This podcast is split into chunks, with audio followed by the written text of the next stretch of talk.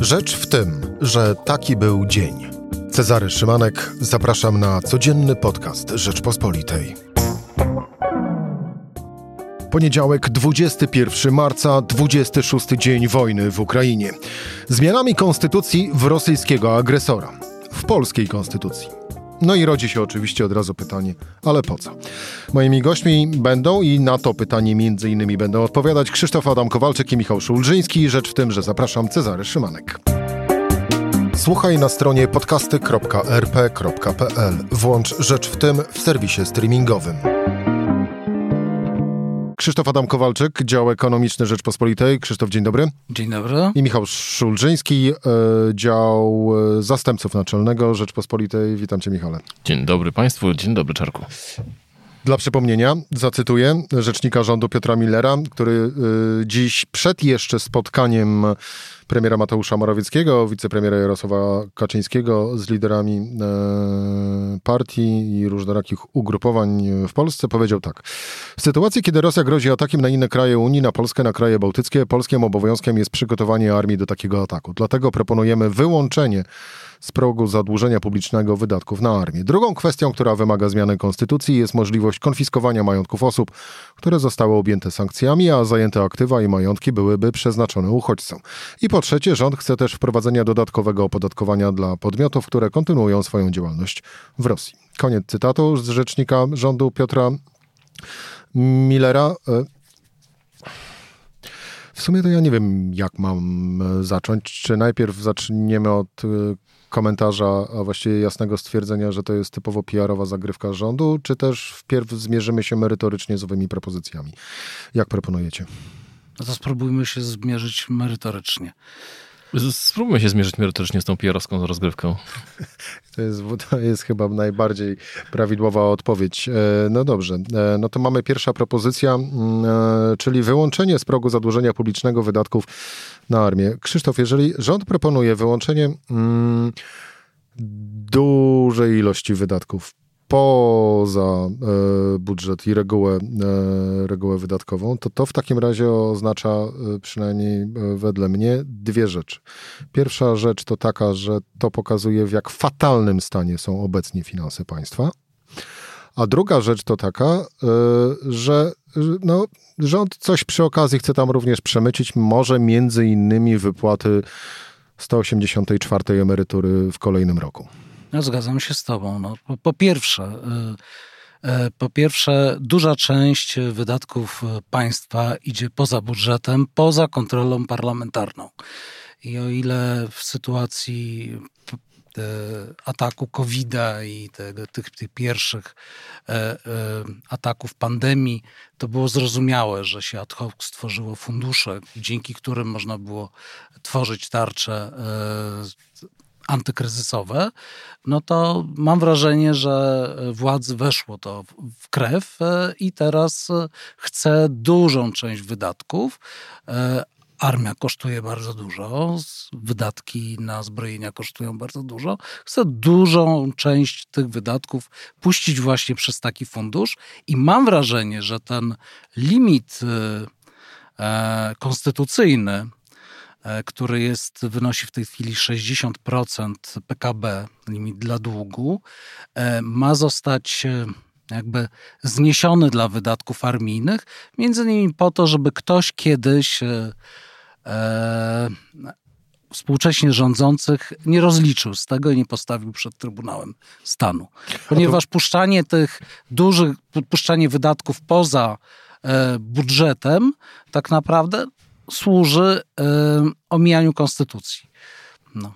A to warto jeszcze dodać, że tak naprawdę, jak szacują ekonomiści, w tej chwili e, mamy już około 400 miliardów złotych, które zostały wydane poza budżetem, czyli poza, e, poza kontrolą. Ale nawet z nimi mieścimy się w tych 60%. To jest teraz około 53% PKB.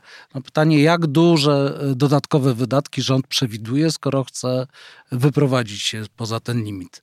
E, to również jest kwestia e, otwarcia furtki na przyszłość, no bo jeżeli raz zrezygnujemy z owego limitu zadłużenia zapisanego, zapisanego w Konstytucji, no to wtedy No chyba nie będzie raczej polityka, który nie będzie chciał skorzystać z tego, aby nie przejmować się właśnie, albo inaczej, aby cieszyć się tym, że nie ma limitu zadłużenia. Masz rację, bo skoro e, raz e, pod wpływem potrzeby ad hoc e, wyprowadzamy spod tego limitu wydatki na armię, no to dlaczego nie wyprowadzić e, spod tego limitu wydatków wiem, na drogi, na koleje, e, na 154 emeryturę, skoro zdaniem rządzących kiedyś może taka zaistnieć potrzeba pilna i trzeba by to, to w jakiś sposób sfinansować. No, jest to bardzo niepokojące, ponieważ e, tak naprawdę to służy temu, że e, parlament traci kontrolę nad finansami państwa. E, jeżeli, a to jest jedna, jedna z cech demokracji, że parlament ma kontrolę nad wydatkami rządu. Jeżeli jest tak jak w tej chwili premier może wydawać przez te różne fundusze już w tej chwili 10 miliardów złotych, no to jest coś nie tak. No, ja pamiętam moją rozmowę z byłym ministrem finansów Tadeuszem Kościńskim, który jednak przyznawał, że to, czy parlament musi mieć kontrolę nad wydatkami rządu, to wcale nie jest e, takie e, oczywiste, bo to minister na przykład obrony powinien decydować, na co ma wydawać dane. No, czyli mają we Dane, e, dane pieniądze. Michał no, Pamiętam, minister Kościński mówił też wprost, że tak naprawdę cele działania Ministerstwa Finansów przychodzą z Nowogrodzkiej, a Ministerstwo Finansów jest tylko księgowym, który ma je zrealizować. W związku z tym właściwie po co parlament, skoro decyzję Nawet podejmie siedziba partii. Tak, to wyszło z tego, że minister finansów był dyrektorem operacyjnym tak naprawdę. Michał, ty już się rwałeś do odpowiedzi, ale mamy jeszcze dwie propozycje zmian, dosyć merytoryczne. Już chcesz? Tak, tak. Proszę. E, dlatego, że ja chciałem po pierwsze, bo tak wy pesymistycznie podchodzicie do sprawy, ja, Nie, ja, ja chciałem znaleźć tutaj coś pozytywnego. E, moim zdaniem ta propozycja jest o tyle ciekawa, że ona pokazuje, że PiS chce przestrzegać konstytucji. E, I to naprawdę jest pozytywne, no bo mieliśmy co do tego przez ostatnie lata wątpliwości i wiele było zarzutów, że PiS konstytucji nie szanuje, łamie i tak dalej. A tutaj PiS stanął przed dylematem i stwierdził, nie no, zróbmy coś zgodnie z konstytucją. I uważam, to jest naprawdę dobra wiadomość. E, druga rzecz, to jest kwestia Szanowni tego... Państwo, e, ta wypowiedź zawierała dozę cynizmu. Druga rzecz, to jest pamiętajmy o jednej rzeczy. E, Krzysztofie, poprawnie, jeśli się mylę, ale kwestie limitu długu są zapisane owszem w Konstytucji, ale to jest również kwestia, która jest związana z naszym członkostwem w Unii Europejskiej. No tak, to na dwa sposoby, to możemy później... I właśnie, i teraz problem polega na tym, że może wyglądać, a polski rząd już zgłosił e, do Komisji Europejskiej projekt po raz kolejny, bo już taki projekt się raz pojawił, wyłączenia wydatków na armię z e, limitu, limitu zadłużenia. Y, ale Komisja Europejska się na to nie zgodziła. I ja wcale nie mogę wykluczyć takiego scenariusza, że nawet gdyby opozycja weszła w tą grę teraz z PiSem i gdybyśmy przegłosowali tą zmianę, to potem na końcu wyjdzie pan premier albo minister sprawiedliwości, który prowadzi w Polsce politykę europejską i powie, no myśmy chcieli ale większe wydatki, ale Komisja Europejska się nie zgodziła, no bo Komisja Europejska broni Rosji. Druga sprawa, jeżeli chodzi o zmianę w Konstytucji, e, o której, jak to już zdążył był powiedzieć po tym spotkaniu e, klasy politycznej z premierem Mateuszem Morawieckim i wicepremierem Jarosławem Kaczyńskim, e, że bez tego, bez tej zmiany absolutnie nie można tego zrobić, a mianowicie chodzi o możliwość konfiskowania majątków osób, które zostały objęte sankcjami, a zajęte aktywa i majątki byłyby przeznaczone uchodźcom. No i żeby tak się stało, no to właśnie rząd proponuje e, zmianę w konstytucji. Zanim to skomentujemy, to ja chciałem przywołać jedną historię. Historię z naszych łam również, czyli z łam Rzeczpospolitej. E, to było ponad tydzień temu. E, opisaliśmy to dokładnie w tekście opublikowanym 13, 13 marca, no bo zapytaliśmy wtedy kancelarię premiera o to, czy w związku z atakiem Rosji na Ukrainę rząd podjął działania w sprawie ewentualnego zamrożenia rosyjskich aktywów ulokowanych w Polsce. No i zapytaliśmy kancelarię premiera. Kancelaria premiera napisała, że to tym zajmuje się Ministerstwo Aktywów e, Państwowych, a Ministerstwo Aktywów odpisało w ten sposób. W odpowiedzi na agresję wobec Ukrainy Polska wraz z całą Unią przyjmuje obecnie pakiet bezprecedensowych sankcji wobec Rosji i Białorusi. Pakiet ten obejmuje również sankcje indywidualne, w tym dotyczące oligarchów i biznesmenów będących finansowym zapleczem elity kremlowskiej. Resort pisał również dalej. Przeprowadziliśmy szeroką kwerendę dotyczącą sankcji możliwych do wprowadzenia. Mamy zidentyfikowane nazwiska kilkunastu osób związanych z rządem Federacji Rosyjskiej, które mają aktywa na terenie Polski lub prowadzą tu interesy. Koniec cytatu, ale warto jeszcze dodać, a właściwie należy, no bo y, Ministerstwo Aktywów y, Państwowych y, nie udzieliło żadnych informacji o owych konkretnych działaniach wobec zidentyfikowanych osób i ich aktywów.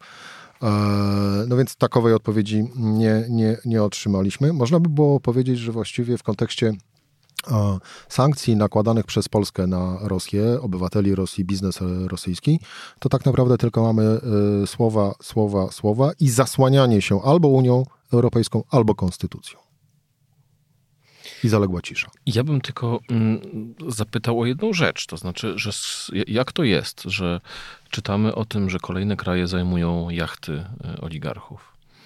E, zrobiły tak Włochy, E, słyszymy, że dzieje się to w innych krajach. Ale wiesz, może oni na przykład mają to w konstytucji zapisane. No właśnie, to chciałem zapytać, czy to jest tak, że u nich się da, a u nas się nie da? To po pierwsze. Po drugie, minister sprawiedliwości przeforsował zmianę przepisu, która mówiła o zajmowaniu na przykład majątków przestępców. Na, I jest taki mechanizm, co roku ministerstwo się chwali, że przyjęliśmy, czy zamroziliśmy y, samochody, gotówkę, konta bankowe i tak dalej e, o wartości iluś tam e, milionów e, złotych. Zaznaczę, nie jestem prawnikiem, ale zastanawiam się, jak to jest, że da się ścigać, zajmować majątek przestępcom polskim, że inne kraje są w stanie zamrażać, znaczy przejmować jachty i, i majątek oligarchów, a w Polsce akurat trzeba do tego koniecznie zmiany konstytucji, no to jakaś dziwna ta konstytucja. Zwłaszcza, że są przepisy dotyczące walki z praniem brudnych pieniędzy i można po nie sięgnąć, na przykład gdy ktoś nie potrafi się wylegitymować, skąd są pieniądze na jakąś fajną posiadłość. Krzysztof, a ja mam do ciebie bardziej podchwytliwe w tym kontekście e, pytanie, a mianowicie, czy znasz skalę środków, jaką rosyjscy oligarchowie mają w Polsce? Nie wiem, no, no przecież my tego nie badamy. To powinien mieć, e, powinno Ministerstwo Finansów takie rzeczy badać. Tam jest przecież... Pytanie było o tyle podchwytliwe, że tak... odpowiadał za, za walkę z praniem brudnych pieniędzy i takie rzeczy powin, powinno państwo obserwować. No albo, nie wiem, wywiad. E, nie wiem, mamy jakiś wywiad? Słyszeliście coś? E, wywiad codziennie jest w Rzeczpospolitej na pewno jakiś. Bardzo ciekawy no i, i zawsze tak, po, no, polecamy. Choć... służby. Ale, no. ale już tak kompletnie na poważnie, y, to tego typu, bo tak naprawdę y, nie bez powodu zadałem to pytanie, y, no bo odpowiedź na to pytanie tak naprawdę powinna leżeć w uzasadnieniu owej zmiany w konstytucji, czyli ilu jest owych oligarchów, o jakiej skali majątku mówimy. No to dla przypomnienia, jeżeli dla, dla kancelarii premiera, wedle danych Centralnego Ośrodka Informacji Gospodarczej 27 stycznia 2022 roku w Polsce działały 982 spółki, w których udziałowcem jest rosyjska firma lub obywatel Rosji no to może warto pójść e, tym tropem i, e, i dalej e, to sprawdzić. No i trzecia rzecz, Krzysztof. Rząd chce wprowadzenia podatkowego, dodatkowego opodatkowania dla podmiotów, które kontynuują swoją działalność w Rosji. No pięknie, ale a jak będzie to definiował, ja zapytam? Czy to będą podmioty zagraniczne, czy polskie? Bo ja znam co najmniej dwie znane polskie firmy, ja nie będę wymieniał nazw, które e, mają dość e, mocną obecność na rynku rosyjskim i mają tam liczące się e, aktywa i są zaangażowane. I pytanie, czy to będzie dotyczyło zagranicznego posiadacza, właściciela dużych sieci handlowych obecnych także w Rosji, nie tylko w Polsce, czy także tych dwóch polskich firm na przykład i w zasadzie na jakiej podstawie? Ja zadam jeszcze inne. To e, ma być dodatkowe opodatkowanie. I dlaczego Polska z tym wyskakuje, a nie na przykład na poziomie unijnym? Ja mam inne pytanie do tego, a mianowicie I dlaczego takie... na przykład sprowadzamy ropę naftową z Rosji i mm. jakoś to nam nie przeszkadza aż tak bardzo? Szanowni Państwo, słyszą, Krzysztof, Krzysztof bardzo jest owym, e, owym ową propozycją zmiany rozemocjonowany, ale wspomniał e, o tym, o czym, co chciałem zapytać, a właściwie jaką kwestię podnieść. No bo gdyby literalnie podchodząc do owej zmiany, no to wtedy, no właśnie, należałoby wstrzymać zakupy rosyjskiej e, ropy, gazu i węgla. No, momentalnie. Tak. No. Nie, bo to ta, tu chodzi o firmy, które czerpią tam zyski, a my kupując od nich ropę i węgiel, mamy same straty, no bo im po prostu płacimy, a dajemy nie... Zarobić dajemy zarobić. E, ale tak już całkiem... To ja tylko jeszcze jedno dorzucę do tego, no. bo, bo y, skoro dzisiaj rząd mówi o tym, że należy w konstytucji wprowadzić, a właściwie dać taką możliwość, żeby można było wprowadzić dodatkowe opodatkowania dla firm, które kontynuują swoją działalność w Rosji, no to ja stawiam bardzo mocne y, pytanie, dlaczego do tej pory nie było y, ogłoszonego żadnego programu pomocy firmom, które są w Rosji, żeby przeniosły swoją produkcję do Polski? Albo się dobrowolnie wycofały lub zawiesiły taką działalność. Znowu pytanie retoryczne. Michał. Ja wrócę znowu do Unii Europejskiej, dlatego że spora część naszych podatków jest przynajmniej e, notyfikowana w Brukseli. Tak? Przypomnijmy kwestia podatku handlowego i rozmaite inne, podatku bankowego. To są, ten rynek wspólny jest na tyle zsynchronizowanym mechanizmem, że no nie może być tak, że ktoś przychodzi robić coś, co innym e, tutaj utrudnia e, życie jakoś w sposób radykalny. I mogę sobie wyobrazić taką sytuację. Nie mówię, że tak na pewno będzie, ale mogę sobie wyobrazić taką sytuację, że nakładamy w, w, w podatki, na przykład na francuskie firmy, które, które idą, które, które działają w Rosji i e, wtedy Francuzi idą ze skargą do Komisji Europejskiej albo do Trybunału Sprawiedliwości. No i potem się znowu okazuje, że co, że Unia Europejska broni Rosji. Tak? Unia Europejska broni firm, e, które e, dają zyski, e, zyski Rosjanom. Czy, czy, czy wytwarzają przez swoje, wytwarzając zyski, odprowadzają podatki w Rosji ja i tak dalej. Tłumaczę to podejście, ponieważ teraz z kolei w obozie rządzącym króluje takie podejście, że nie możemy sobie od tak wstrzymać dostaw węgla z Rosji, ponieważ to grozi skargami na Polskę przed TSUE o odszkodowanie. A o ile dobrze pamiętamy, no to polski rząd do skarg przed TSUE y, ma stosunek, delikatnie rzecz ujmując, ambiwalentny. No więc chyba sobie sami odpowiedzieliśmy na to pytanie. Kiedy y, chcemy coś zrobić, naprawdę chcemy coś zrobić, to nie przejmujemy się ani konstytucją, ani Unią Europejską. A kiedy nie chcemy czegoś zrobić, to wówczas mówimy, że no bardzo byśmy chcieli, ale nie pozwala nam ani Unia Europejska, ani konstytucja, albo, albo Unia Europejska, e, albo konstytucja. I chyba tutaj dochodzimy do odpowiedzi na nasze pytanie, czy to jest propozycja poważna, czy to jest, e, czy to jest po prostu trik PR-owski. Trik PR-owski? Tak. Poważne propozycje najpierw przegadała klasa polityczna i dopiero później weszła. Nie, nie dowiadywalibyśmy się o, tego, o tym od rzecznika prasowego rządu. Ja bym tutaj przywołał wypowiedź e, poniedziałkową e, profesora Ryszarda Terleckiego, szefa klubu Prawa i Sprawiedliwości, który powiedział, że ta sytuacja będzie testem e, dla opozycji, czy potrafi dbać o interes państwa, czy też będzie grała swoje polityczne gierki. Czyli powiedział de facto wprost, że to jest pułapka na opozycję, bo nie da się zmienić konstytucji bez opozycji.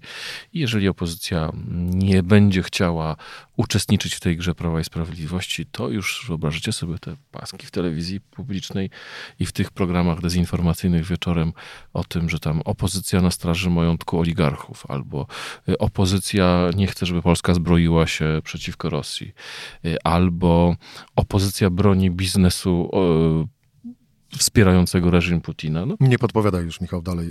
E, A oni są tak kreatywni, że na pewno to, bez naszej podpowiedzi... Sugerujesz, że zbliżamy się do wyborów przyspieszonych. Dwa pytania na koniec, panowie. Yy, I tak już kompletnie na, na, na, na poważnie. Yy, bo yy, omówiliśmy wszystkie te trzy propozycje na tyle, na ile można było je omówić, bo raz jeszcze jak się zgłasza tego typu propozycje, to powinno y, być do każdego jednozdaniowego określenia owej propozycji 10 zdań skutków jej, y, jej wprowadzenia, bądź też, y, jak w tym wypadku, korzyści wynikających z owej zmiany. Tego nie ma. Ale podsumowując, Krzysztof, twój stosunek do ogłoszonych tych propozycji jest jaki? Nieufny. Nieufny. Nie, nie wiem, po co to jest. Tak naprawdę wiele z tych rzeczy da się zrobić gdyby... w ramach istniejącego systemu prawnego przy tej konstytucji. Co więcej, ta władza to robi. Mówiliśmy o tym, że nie przejmuje się tym, że finansowanie różnych funduszy idzie z pominięciem budżetu. Co więcej, ona nawet, nawet te, te, te, te, te, te, te, te wydatki nie są liczone do limitu długu według polskiej metodologii Bo przypomnijmy, że duża część jest po prostu jakby nieuznawana za dług publiczny. Inaczej niż na poziomie unijnym. To Więc... zapytam wprost. Gdyby została na przykład przyjęta ta pierwsza zmiana dotycząca wyłączenia spoza limitu zadłużenia wydatków na obronność, to to byłaby demolka dla finansów państwa? No, to byłby ciąg dalszy przyspieszenie demolki. Michał, y, pułapka na opozycję w celu? Ja mam wrażenie, że to jest, y, ta sytuacja przypomina, to jest propozycja dla, dla opozycji y, w stylu randki z modliszką. To znaczy, to, to jest taka sytuacja, z której nie ma dobrego wyjścia. Mm, a może po prostu chodzić tylko i wyłącznie o to, że PiS zdaje sobie sprawę z tego, że sytuacja wcale nie jest dzisiaj tak różowa, że będzie jeszcze gorzej, że nie ma y, efektów sondażowych, y, tego tak zwanego efektu flagi, czyli wzrostu poparcia dla, państw, dla partii rządzącej po konflikcie, po wojnie i że w związku z tym czekają nas ciężkie czasy. W związku z tym już dziś trzeba myśleć o tym, kto będzie winien. No, oczywiście winna jest opozycja. Michał Szulżyński, dziękuję bardzo. Dziękuję Krzysztof bardzo. Adam Kowalczyk, dziękuję. Dziękuję bardzo. Rzecz w tym to była w poniedziałek Cezary Szymanek. Do usłyszenia jutro o tej samej porze.